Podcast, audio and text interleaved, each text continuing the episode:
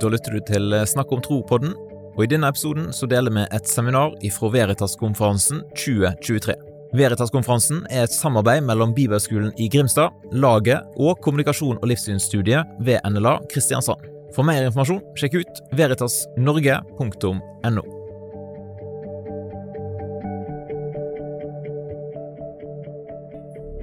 Well, it's um, great to be here speaking with you. Um, there's a lovely view out my window, which I'm very pleased with. Um, and thank you very much for being willing to listen to me speak in English, which makes it a lot easier for me. so, um, what we're doing in this lecture is I'm going to open up some questions about uh, meaning and significance. And the, this is, is actually interesting, but it's also useful because it begins to open up the question of how we can make connections between the Christian faith and the wider world, and actually also just go deeper into our own faith and try to understand why it is so significant. So I'm going to begin with a quote from a secular author. This is Jeanette Winterson. Um, this is from a book she wrote called "Why Why Be Happy When You Could Be Normal," um, which I think is a great title for a book. I wish I'd thought of that one. But um, this, is, this, is, a comment she makes about um, the dilemma of being a human being. It means you're looking for something that goes beyond what the world is able to supply. Look at this. We can't simply eat, sleep, hunt, and reproduce. We are meaning seeking creatures. The Western world has done away with religion, but not with religious impulses. We seem to need some higher purpose, some point to our lives. Money and leisure, social progress are just not enough. Now, if she is right, then immediately, you know, people around you in the wider secular culture will be, in effect, looking for something more than what they have. And so one of the questions is, how can we make a connection between the Christian faith and these deeper longings for significance and meaning? So I'm going to try and explore that and see where this takes us. We need to begin, I think, by asking what that word meaning actually signifies. We use the word a lot and um, the psych- psychological research basically is that while it is very difficult to define what meaning is, it really does matter to people. Here's a research article that uh, is by uh, Login George and Crystal Park. And this is based on empirical research. Basically, they talked to a you know couple of hundred people about what in life they found meaningful, and they didn't define the term. They just asked them to talk, and they tried to summarize what they found. And they found there were three main things that seemed to stand out. First of all, the idea of comprehension, being able to make sense of our world. Now that is actually quite a lot, uh, quite important for a lot of people because if you can make sense of something, you don't feel out of place. It means you feel you can be part of this. It means you can do things within this world, but you need to have some sense of being able to make sense of it. It's not irrational. It's not incoherent. There is some order to it. But secondly, the idea of purpose. And the theme here is simply, we are here for a reason. There's something we're meant to be doing. We've got to find that if we're going to, in effect, be happy people. And again, that's really significant because purpose means more than just living from day to day. It means living with a sense that you are called to do something, to be something. And that is something that is, is, is just not there in many secular philosophies. But as you can see, even as I've spoken thus far, this is already making lots of connections with Christianity. And thirdly, of course, the idea of mattering. Um, it, as the word is used in English there, it means being significant. To matter means to be important, to be significant, to have a sense that you really are valued by someone or that there is something significant about who you are or what you're doing. It's a very important idea. And again, those of you who were kind enough to listen to my sermon this morning will know that that is a really important theme theme in Christianity. So I'm saying to you are two things. Number one, this is really interesting in trying to make sense of human beings. You know, this is, this is what human beings think about. Number two, from the point of view of Christianity, this is really important in working out how we can connect the real depth of the Christian faith with longings in human beings. And if I were to talk about C.S. Lewis, which I'll do a little bit, only, only a little bit in this lecture, then Lewis, of course, is very, very good at saying there is a connection between the Christian faith and the deepest emotional, experiential, emotional needs of human beings. And we can take these, make these connections, and show, for example, how Christianity helps us to understand that we matter. So we're not inventing these connections. They're there and they're there for us to use and explore. And I think a worldview, if, uh, by worldview I mean a big system, a sort of system of interconnected ideas or a worldview, um, you know, really needs to be able to make space for individuals to find some sort of understanding, purpose, and significance. Now, when I was young, which I'm afraid means going back a very long time, uh, back in the 1960s when I was an atheist, I was also a Marxist. And one of the reasons I was drawn to Marxism is that it seemed to make sense of our social world, but it also made space for individuals to see themselves as trying to change society for the better. In other words, it's a worldview which in effect empowered individuals to think they were significant, to think they mattered. Now, in the end, I decided Marxism didn't really work very well. And I uh, then really discovered Christianity, which of course is wonderful. And I'm still very, very excited about Christianity to this day. But if you think about Christianity, it is also making space for people inside. If you like, Christianity is not something that we are spectators for. We look at and say, oh, how interesting. It's something in which we participate. It's a way of thinking which is also a way of living. And it invites us in to, in effect, discover meaning, significance, and all these things. And of course, as you'll see from the quote I've put on the, te- the board, Colossians 1.17, which is all about all things hang together or are connected together in Christ. In other words, we have a coherent universe. Christianity is giving us a, a, lens through which we can look at the world and we can see it as meaningful. And we can see more than that. We can see what we can do in that world. Christianity is a framework, yes, but it gives us a sense of who we are and the difference that we can make. So Christianity is very good at answering what I call ultimate questions. That's a phrase used by the philosopher Karl Popper. And Karl Popper made the point that there are many really significant questions in life, mostly about meaning and purpose, which the natural sciences simply cannot answer. And if we're going to answer these, we need some sort of transcendent viewpoint, exactly that which is provided by Christianity. And I think one of the points I want to make is that this is really important for human well-being and flourishing. In Britain, we have um, a lot of young people who are quite unhappy, who are quite disorientated, feel alienated. And one of the reasons is that they, they don't have any sense of who they are, what this world is all about. They have no sense of purpose. In other words, they don't really have this, this framework to make sense of things. One of the things I want to say to you is that this fact that Christianity is so good at making sense of things, giving us a sense of identity and purpose, is actually very important for evangelism, for mission, for apologetics. But actually, it's also important for us as human beings because it helps us to realize that Christianity is enabling us to live well. Do you see that point? It's, it's, it's good for our mental health because it reassures us that things make sense, that we matter. And these are hugely important points and ones which I think we need to really appreciate. And again, the key point is science just can't answer these questions. Neither can philosophy. You need something such as Christianity, which is able to say there are answers to these questions. There are good answers and Christianity can begin to engage with these and look at them. So I thought I'd look at a major scientist who had very strong views on this matter, and is Albert Einstein. Um, I, I, used to be a scientist myself, and in my first year at Oxford University studying chemistry, Albert Einstein was one of the major figures I had to interact with. And Einstein thinks science is wonderful, but he's quite clear it's also limited. Here's what he says in a lecture of 1939 on the scientific method. Scientific method teaches nothing else beyond how facts are related to and conditioned by each other. And Einstein was quite clear that things like purpose, meaning, mattering are just off the agenda as far as science is concerned. It doesn't actually help us with this at all. And Einstein says, look, there is science, there is religion, there's ethics, there's politics. These are all different. But the fact that they are different doesn't mean they're incompatible. If you like, they're just different angles of approach, different ways of looking at things, and that we can bring these together. But certainly science is important, but it only deals with part of reality.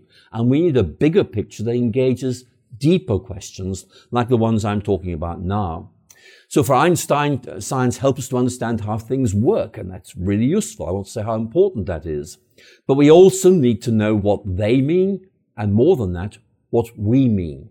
So Einstein, I think, is very, very clear that these are important questions and we need to go beyond science. Now, Einstein felt very, very strongly about this because as you probably know Einstein invented the idea of the equivalence of matter and energy.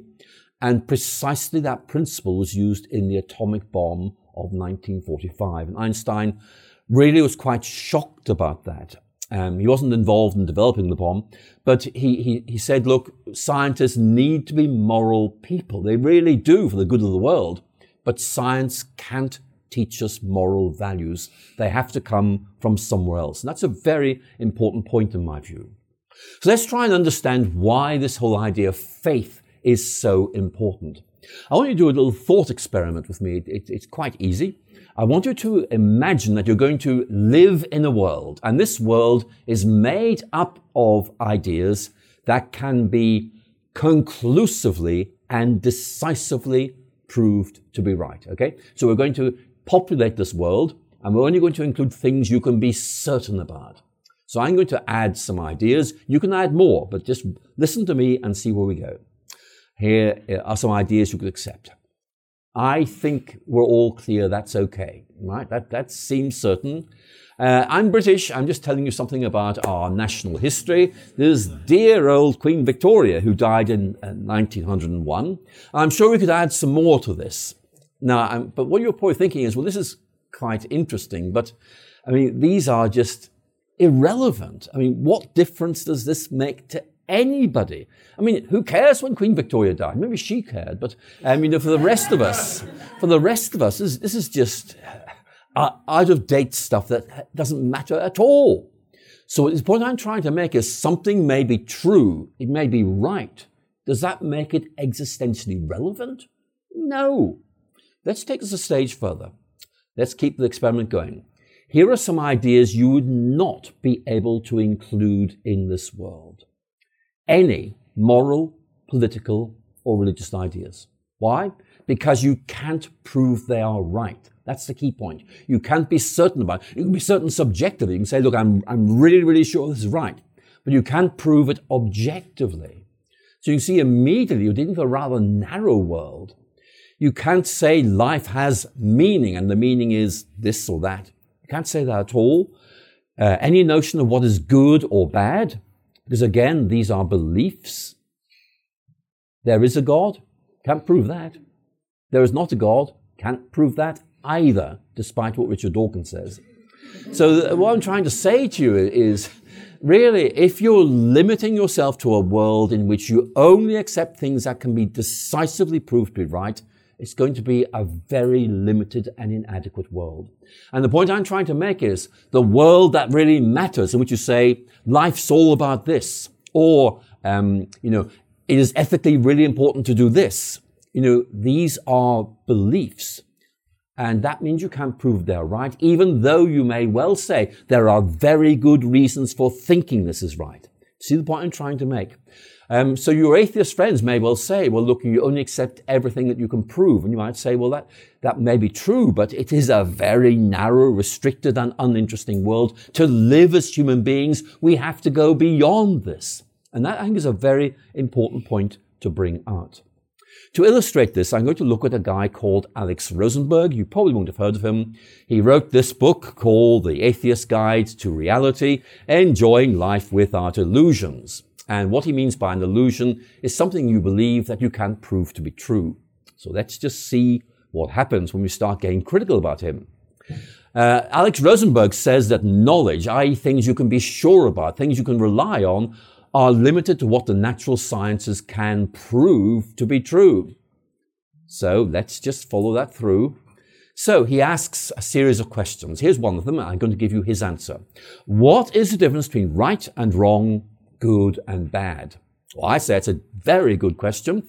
Um, the question is now, what's his answer going to be? I mean, we live in a world where, you know, morality is really important. We try to deal with all these real problems that are being thrown out by what's happening in the Middle East, all the rest of it. This is Rosenberg's answer. There is no moral difference between them. Now, I want you to think about that. Could you live with that? I don't know how many of you watched the film Schindler's List. I, I, watched it. I was horrified by it. And at the end of it, I felt, you know, um, evil is, is real. It's significant. God, find a way of dealing with this. But Rosenberg's just completely inadequate. You know, he, what he's saying is if you rely only on science, then there is no way you can talk about good or evil. And the answer is because they're not scientific ideas. But they are important ideas. They're ideas that really matter. Um, if we're going to try and make this world a better place, we need to be able to say certain things are evil and we want to do something about them. And Rosenberg just doesn't help at all. And my point to you is we live in a world in which you and I both know it's very important to be able to say this is good, this is not good. We need to do something about that.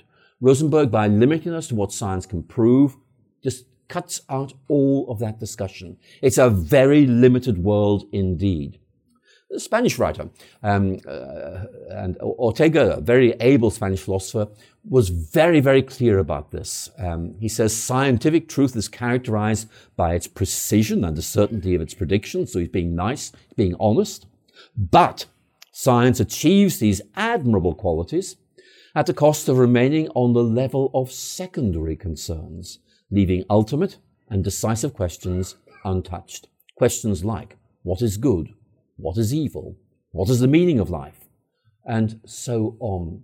So what I'm trying to say to you is that, that for human beings, questions like, why am I here? What am I meant to be doing? What is good? What is evil? What's the point of life? These are really important existential questions. We need answers if we're going to flourish as human beings. And what I'm saying to you is that really secularism can't give you those answers. If it does, they're simply personal opinions which are being presented as if they are certainties, and they are not.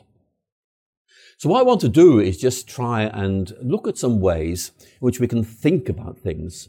I'm going to take example of science and faith because my background's in the sciences, so it's quite natural. But this gives you a kind of way of working which you can adapt and extend. Science and faith, I'm going to suggest, offer us both different windows on reality and also they engage different levels of reality. So the picture I'm going to give you is something like this. That in effect, um, human knowledge is complicated. It has lots of different areas and scientific knowledge is part of it, but scientific knowledge doesn't include purpose, value, meaning, significance, and we need that. So therefore we have science giving us this part of the spectrum of knowledge, and our faith gives us this part. If you like, there are different aspects, different perspectives, and we can bring them together. But let me uh, develop this point in more detail. Um, let's look at a philosopher, a British philosopher called Mary Midgley, um, who is well worth reading. She's um, very, very critical of people who are reductionist. And she asks us to imagine that you go to a great big aquarium with all these kinds of fishes swimming around. The aquarium is so big, there are lots of little windows, and you look in through these windows to see what's in the aquarium. Here's what she says. We can't see it as a whole from above, so we peer. In, in English, the word peer means look dimly. You don't see as clearly as you'd like, but you're looking. Uh, we peer in it through a number of small windows. We can eventually make quite a lot of sense of this habitat if we patiently put together the data from different angles. But if we insist that our own window is the only one worth looking through, we'll not get very far. What she's saying is we need a scientific window. We need a moral window. We need a religious window. You know, we need lots of windows if we're going to be able to do justice to the complexity of life.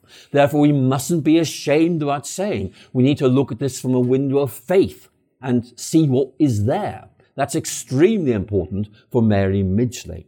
So moving on from this, her basic point is we need to use multiple windows on a complex reality, and that is important.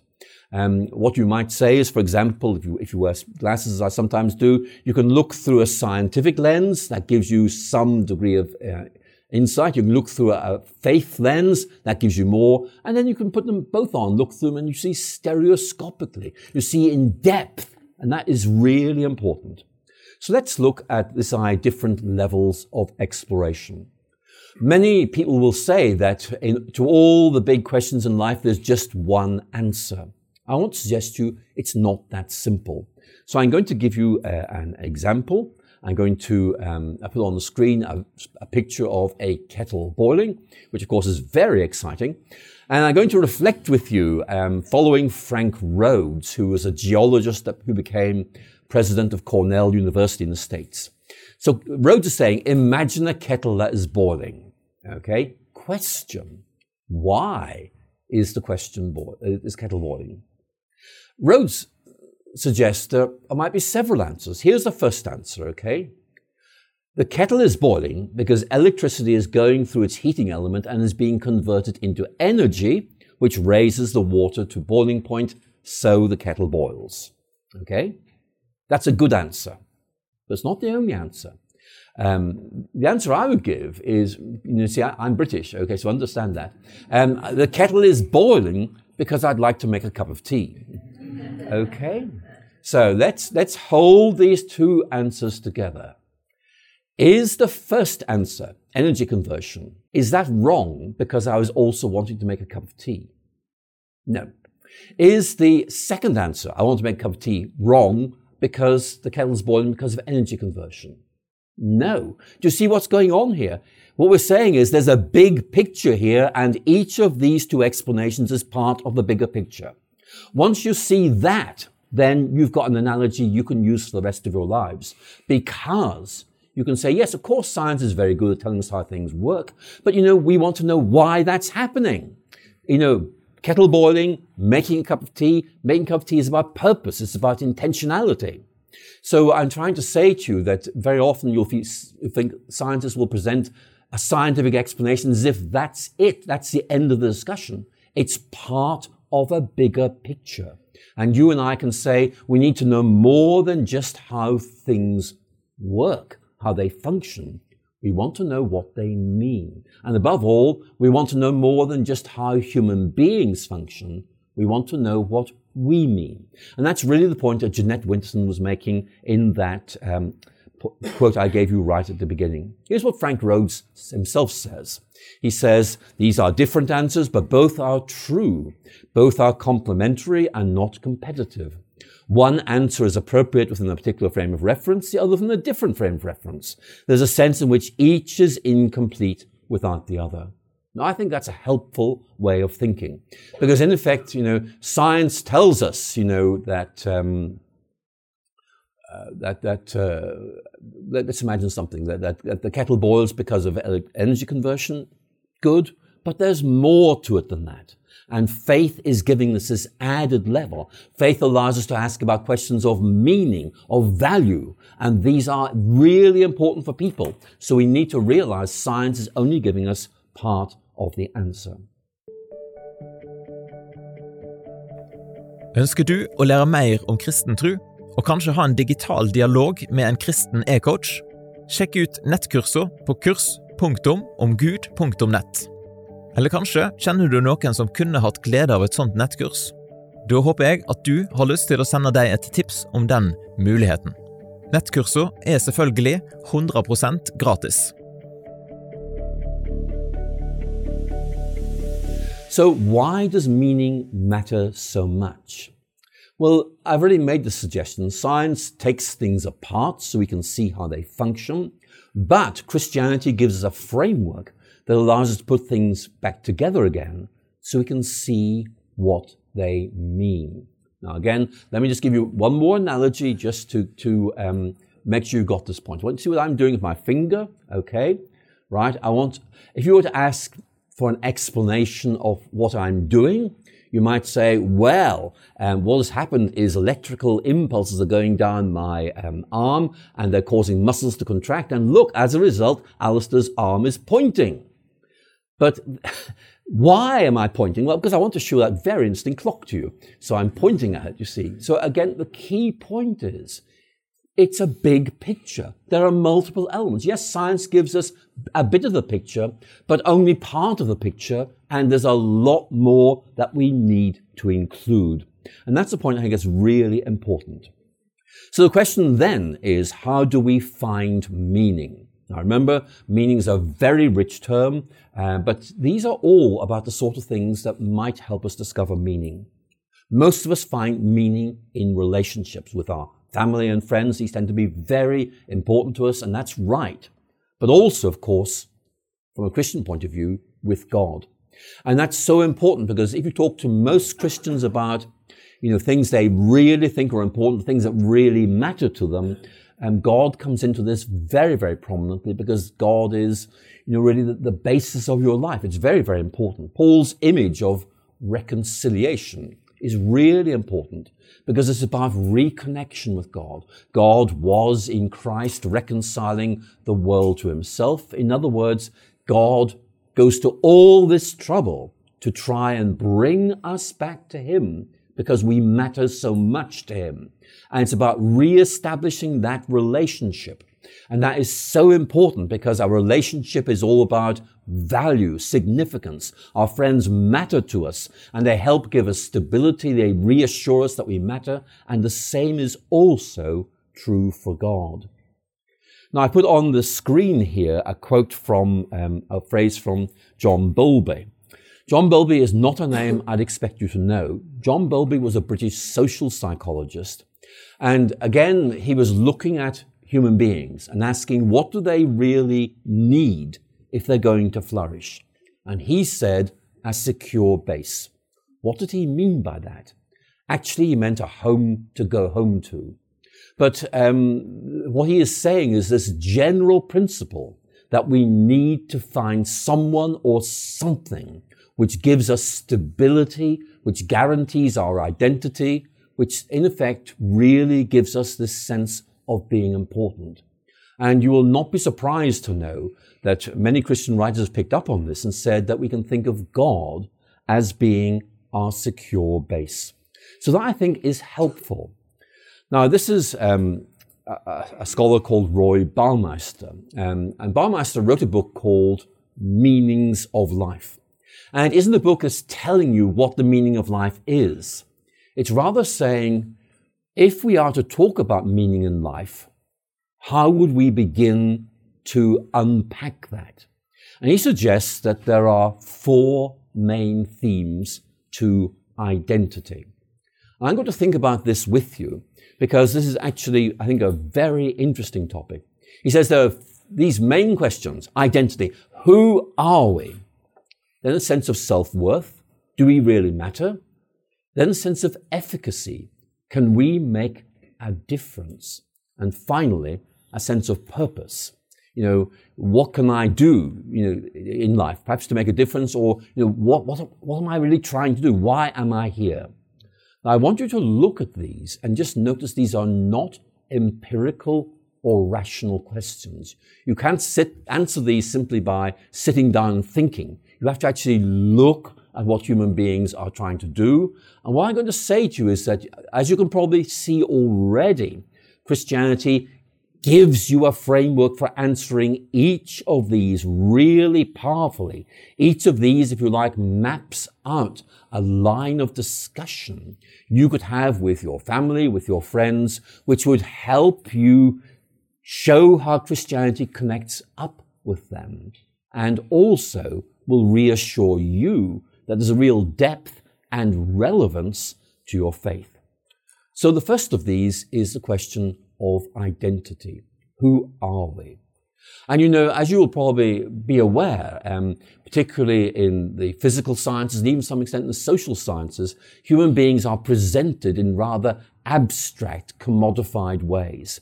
In other words, we're just, um, you know, uh, part of a bigger picture. We're just uh, social security numbers. a sense of depersonalization, which really doesn't do justice to who we are. You're very much portrayed as if you're, you belong to a particular social subset. You know, you are reduced to something. The key point that I want to make with you is that Christianity gives you a rich, a deep understanding of who you are. And that seems to me to be a really important point. You can talk to people about, you know, the idea of being able to relate to God, the idea of being um, significant. I'll talk more about this when I look at self-worth, efficacy, and purpose. But a key point is that very often we identify ourselves relationally. Um, you know, I'm the son, the daughter of so and so, I'm so and so's cousin. And of course, for Christians, we are children of God. And that is something enormously important. I'll come back to that in a moment. What about a sense of self worth? Do we matter? Let me talk about that because for me, that was a really important question as I moved from atheism to Christianity. I'm going to talk about this. Uh, when I was about 16 or 17, I was uh, an atheist. I was quite an aggressive atheist. Uh, and I was quite clear that, um, you know, because I was an atheist, uh, I was being really intellectually clever and bold. And I didn't need any consolation in life because, um, you know, there was no meaning. That's what atheism said. So I, w- I would boldly learn to live with that. But I also enjoyed looking at the stars at night. And I would very often look at the winter sky in Ireland. And um, as you know, the night sky, I would look at the constellation of Orion, which has three very bright stars at its center called the Belt of Orion. And I knew, because I'd read some astronomy books, that those were so far away, those stars, that light took a thousand years to reach Earth.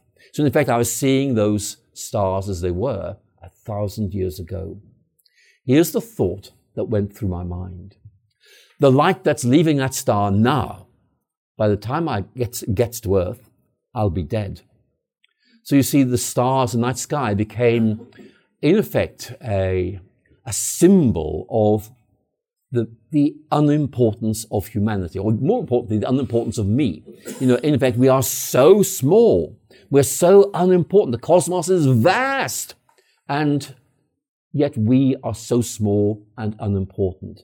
And I, I got a sense of being of complete insignificance from looking at the night sky.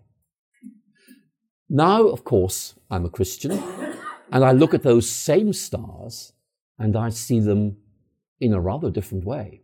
Why? Well, let me tell you why. Because I take the view the guy who made those made me. And actually, that means I matter. In effect, it's, it is saying, yes, I am uh, only here on earth for a brief time, but nevertheless, knowing God changes everything. The God who made those made me. I think of Psalm 19, you know, talking about the, the heavens declaring the glory of God, or I think above all of Psalm 8. Many of you will know Psalm 8 very well. It's very reassuring. It's very powerful. It says, when I look at the sky which you have made, uh, what is humanity? You know, why do you care for us? Then the answer comes in, because you made us, uh, just as you made those stars. And the idea that we are God's creatures changes everything. And that I think is a really important point. The American writer Marilynne Robinson has written some wonderful theological novels um, adds another reason. She, she says that we can add one more reason to the psalmist here, and that is the idea of incarnation, that we matter so much to God, that God came into this world in Christ to visit us and redeem us. So again, you can see how important that is. And what I want to say to you simply is that Christianity gives you a toolkit for answering each of these questions. It's really important. And as you talk to people, you may well find that each of these questions gives you a, a topic of conversation or a, a point of contact or a way in, which may be really helpful. Let's look at the next one. Efficacy. Can we make a difference? And again, very often people find that they are unable to do anything very much and they feel hugely frustrated and uh, unhappy about this. And again, I think one of the things we need to remind ourselves here is that Christianity does talk about us not trying to do things on our own, but rather with God. We are co-workers with God, if you think of it. It's a very rich theme in the New Testament that we are not on our own.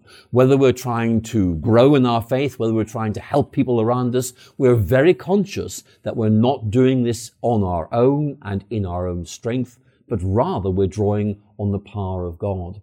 And I was preaching this morning, I, I picked up on um, Paul in 2 Corinthians chapter 12, you know, this idea of, of hearing God speaking to him and saying, my grace is sufficient for you. My strength is made perfect in weakness. And that is so reassuring to all of us because it may mean we feel we're not very good, but God is able to take us and use us despite our inadequacies. So there's a lot we could say about that. As for the idea of purpose, that actually life has a purpose and discovering God in many ways helps us understand what that is. And while I've been here uh, in um, Norway talking this weekend, one of the things I've been talking about is the idea of a story, which C.S. Lewis develops very, very significantly. And one of the points that Lewis makes, I think, is really helpful here. Lewis, in effect, says, look, there is this big story, the great story of God, and that um, one of the things you see in the Chronicles of Narnia, particularly the book The Lion, the Witch, and the Wardrobe, is that the children all have their own distinct identities. And those don't change. They don't lose their identity. But what happens is they realize they can, they can step into the story of Narnia and move it ahead. In other words, they are involved in a bigger story, which doesn't negate their own stories, but they realize they are doing something to move this greater story ahead. And in that, they find purpose, they find significance and meaning. And I think that's a very important point um, to try and explain to people when you're talking about the difference that Christianity makes. It's about connecting up with something bigger. It's about being part of something that's of greater in importance and being able to play a role in moving it ahead. And so that's why I think the idea of the story of God really is quite important. Because in effect, it's all that God is doing to try and work out his purposes in the world, to help people, to keep the gospel going, to do all sorts of things. And the Christian story is invitational. It says, please step inside. Work out what you can do to help move this ahead. It's all about the idea of a calling, an idea that I'm sure many of you have thought about long and hard. What am I being called, being invited to do? And that I think is something really important. It's about, there is this wonderful story which is going on and I know I'm meant to be part of it. And my job is to try and find out what I am meant to be doing. It's really significant. So I'm going to wrap up in a moment and give you a chance to um, just take this conversation any way you like. What I've been talking about really is why meaning matters, why it's important. I think that's a very important point in human well-being in general. But that's not why I'm giving you this lecture. Really, what I'm trying to do is to say that this is really important for people. They may not feel able to talk about this openly. But once you begin to get beneath the surface, people are worrying about who they are, whether they can make a difference, how they, how they cope with life, what they mean. And these are questions that actually you can deal with. You can deal with them in personal conversations, or you can talk about giving a personal testimony, telling your story, in which you can begin to talk about what you discovered was meaningful and the difference it makes to you. So I'm going to end by making two points, and then we're opening it up. Here's the first point. The first point is that conversations about meaning can be very abstract. And that's why telling your story can be so helpful because in effect you're giving people a sort of worked example of people who have found meaning, meaning in who they are, what they're doing, find purpose, and you could try and explain how you make sense of these ideas and the difference that they make to you. And eh, I don't think it's very threatening. I don't think it, it, it's all that difficult, but it's really helpful because you're saying two things. Number one, this is really important for me, and actually, it, it really helps understand why Christianity has given my life such depth and stability. But it's also saying maybe your friend could find that as well. And the final point I'm making simply is this this idea of being called by God is so significant for all of us. Because it's so easy, I think, to lose sight of the fact that, um, yes, there is a people of God, and that is wonderful, and we're all part of that. But actually, each of us matters individually as well. And each of us individually is trying to figure out what we can do to serve God, to move things ahead, realizing that what I might be able to do is not what you might be able to do, but there's something each of us can do. In my own case, um, I ended up being an apologist. When I was 16, if someone said to me, you're going to be a Christian apologist, I'd be mad. I mean, I mean, I was, I was an aggressive atheist. But I, think God had other ideas, you see. Um, and, and in many ways, if you think about it, my own personal story, really as someone who was very hostile towards God, discovered God, and could explain the difference this made. And how that might also be true for somebody else. That I think is my calling. But your calling is something you can think through. But whatever it is, I'm going to end by quoting Paul in the first letter to the church at Thessalonica, probably the oldest document in the New Testament, probably dates from about 51. And in it he says these words to his readers, and you know, we're among the readers. He who calls you is faithful and He will do it. So there you are. Just be reassured about that. Now, I talked for a long time. You've been hugely patient. I'm now very happy just to take questions and let, let's just see where we go. Vil du lære mer om kristen trosforsvar? Ta turen på neste Veritas-konferanse, eller sjekk ut ressursene på snakkomtro.no. Du kan òg studere kommunikasjon, livssyn og kristen apologetikk på NLA Høgskolen. Sjekk ut nla.no kl. Setter du pris på at vi deler sånne ressurser via Snakk om tro-podkasten? På damaris.no finner du informasjon om hvordan du kan støtte arbeidet vårt økonomisk.